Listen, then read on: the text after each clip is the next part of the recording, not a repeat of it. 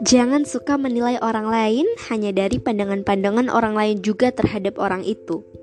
Terkadang, penilaian dari orang-orang di sekitar kita terhadap orang lain bisa mempengaruhi cara pandang kita untuk menilai orang lain juga, loh.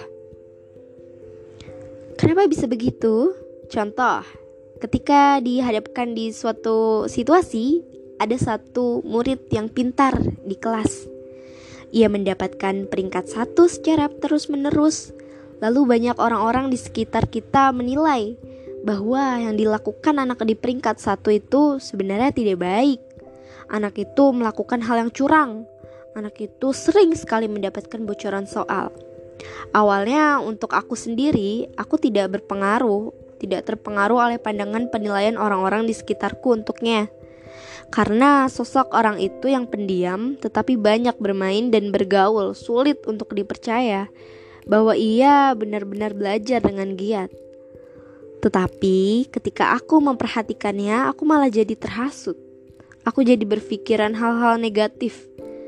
Iya, kenapa juga ya dia bisa selalu ranking satu, dia selalu bisa dapat peringkat satu, padahal yang kita lihat selama ini dia tuh selalu hanya main, selalu hanya bikin video, selalu hanya bergaul dengan teman-temannya, selalu pokoknya ketika kita lihat kayaknya dia nggak ada apa ya nggak ada menunjukkan suatu kegiatan belajar yang serius.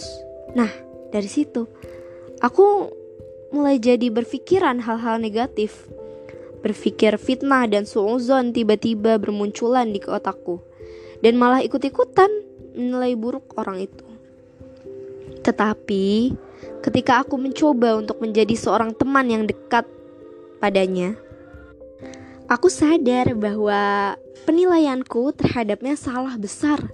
Walau ia terlihat di sehari-harinya hanya bermain dan bersenang-senang seperti anak sekolah pada umumnya, ternyata ia memiliki keinginan dan motivasi yang besar untuk menjadi seorang juara yang pertama. Walau dari sekolah ia kebanyakan bermain, tetapi ternyata di rumah ia selalu belajar dengan rutin.